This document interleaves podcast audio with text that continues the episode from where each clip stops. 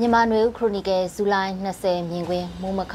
ဆီယနာရှင်စနစ်ကစီးပွားရေးအကြောင်းကြောင့်ပြိုမာလာလက်နက်ကင်တော်လှန်ရေးကြောင့်ပြိုမာလာအမည်ရတဲ့မုံမခဆောင်းပါဖြစ်ပါတယ်။ဖိနှိပ်တဲ့စစ်အာဏာရှင်စနစ်တိုင်းရင်းသားအခွင့်အရေးတွေကိုဖိနှိပ်ချုပ်ချယ်တဲ့စစ်အာဏာရှင်စနစ်ចောင်းသားတွေကိုအစဉ်အမြဲရန်လိုနှိမ်နင်းလေးရှိတဲ့စစ်အာဏာရှင်စနစ်ဟာလက်နက်ကင်တော်လှန်ရေးကြောင့်ပြိုကျချုပ်ငိမ့်မှာလား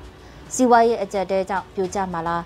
ဒါမှမဟုတ်စီးပွားရေးနဲ့လက်နက်ကင်တော်လှန်ရေးနှစ်ခုပေါင်းစုံပြီးပြိုကျမှာလားဆိုတဲ့မိကွန်းတွေအခုရက်ပိုင်းပေါ်ထွက်လာတာဖြစ်ပါတယ်။ကမ္ဘာနိုင်ငံတွေမှာကိုဗစ်ကပ်ပြီးရဲ့အကျိုးဆက်ကုန်ပစ္စည်းထောက်ပံ့ရေးကွင်းဆက်တွေပြတ်တောက်တာဝန်ဆောင်မှုတွေရန်နာထားရတာကမ္ဘာခီးသွွားလုပ်ငန်းတွေရန်နာထားရတာ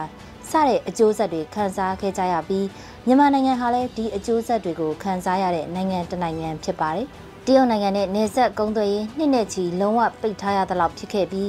မကြခင်ကမှစီးမြင်ကန့်သက်ချက်တွေနဲ့ပြန်လည်ဖွင့်လှစ်ခဲ့တာပါအဲ့ကာလတွေအတွင်းပြည်တွင်းကရေရွက်ပစ္စည်းစိုက်ပျိုးရေးပစ္စည်းတွေတင်ပို့နိုင်ခြင်းမရှိပါဘူး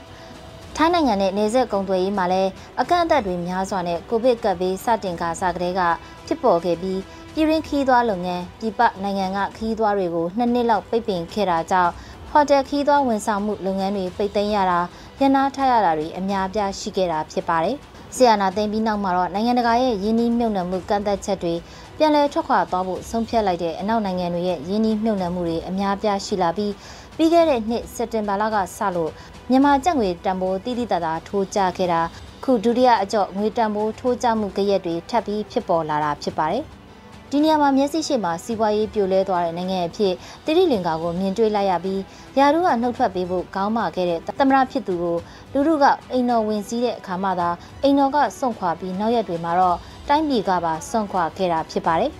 ဒီဖြစ်ရပ်ကိုကြည့်ပြီးမြန်မာနိုင်ငံမှာလည်းစစ်အာဏာသိမ်းပြီးနောက်ငွေတမိုးကျဆင်းတာတိုင်းပြည်ထဲမှာလက်နက်ကင်တိုက်ပွဲတွေနဲ့စီးပွားရေးလုပ်ငန်းဆောင်တာတွေလုပ်ဖို့ခက်ခဲလာတာ အလောက်ကင်အခွင့်အလမ်းရှားပါလာခြင်းလောင်စာစီစေးငွေတမိုးကျဆင်းမှုကြောင့်ရှင်သန်နေထိုင်မှုပိုကျက်တဲလာနေတာတွေကြောင့်တိတိလင်္ကာလိုလူမှုအောင်ကြမှုတစ်ခုနောက်ထပ်လာပြီးစစ်ကောင်စီအာဏာကိုအဆုံးသတ်စေနိုင်မှာလားဆိုတဲ့မျှော်လင့်ချက်မှန်းဆချက်တစ်ခုပေါ်ထွက်လာနေတာလည်းတွေ့ရပါတယ်စစ်အာဏာသိမ်းမှုစစ်တပ်ကနိုင်ငံရေးအာဏာလုယူထားမှုကိုလက်နက်ကင်တိုက်ခိုက်ဖို့စစ်အာဏာသိမ်းအပြီးလက်အနှင်းငယ်ကြာမှာစစ်အာဏာရှင်စန့်ကျင်ရေးအစုအဖွဲ့တွေနဲ့တိုင်းရင်းသားလူမျိုးစုအလိုက်အသစ်ထွက်ပေါ်လာတဲ့ပြည်သူ့ကာကွယ်ရေးတပ်ဖွဲ့တွေကဆုံးဖြတ်ခဲ့ကြပြီး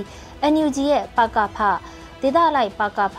တိုင်းရင်းသားကာကွယ်ရေးတပ်ဖွဲ့စသဖြင့်နာမည်အမျိုးမျိုးနဲ့အဖွဲ့ပေါင်းရာချီပေါ်ထွက်လာက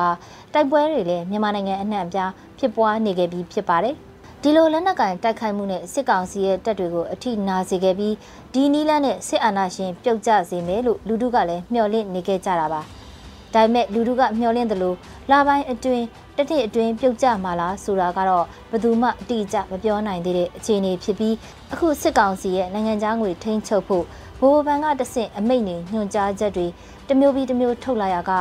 မြန်မာကျပ်ငွေတန်မိုးတိတိတသာထိုးကျပြီးကုန်ပစ္စည်းတချို့ဈေးကွက်မှာအချိန်မီမြောက်နိုင်တဲ့ပြဿနာတွေမြင်တွေ့လာရတာဖြစ်ပါတယ်။ဒီလက္ခဏာရက်တွေဆက်လက်ဖြစ်ပေါ်နေပြီးစီးပွားရေးအကျက်တဲကမြန်မာနိုင်ငံကိုသီရိလင်္ကာလိုနိုင်ငံရဲ့ အာဏာချုပ်ကင်ထားတဲ့စစ်တပ်ကိုအဆုံးသတ်စေမှာလားဆိုတာအခုနေခါစစ်အာဏာရှင်စန့်ကျင်ရေးအင်အားစုတွေရဲ့မျှော်လင့်ချက်နောက်တစ်ခုဖြစ်လာပါတယ်။တေးလင်္ကာနိုင်ငံဟာနိုင်ငံခြားငွေပြက်လက်မှုကနေလောင်စာစီမတင်သွင်းနိုင်ပြည့်စုံပြီးပြည့်ပြည့်ဝဝမပေးနိုင်ရကနေနိုင်ငံရဲ့စီးပွားရေးထိခိုက်ခါပညာရေးကျန်းမာရေးဝန်ဆောင်မှုတွေရပ်တန့်ကုန်တဲ့အထိဖြစ်ပြီးနောက်မှာလူလူကသမရကိုဖိအားပေးနှုတ်ထွက်စေခဲ့တာဖြစ်ပါတယ်။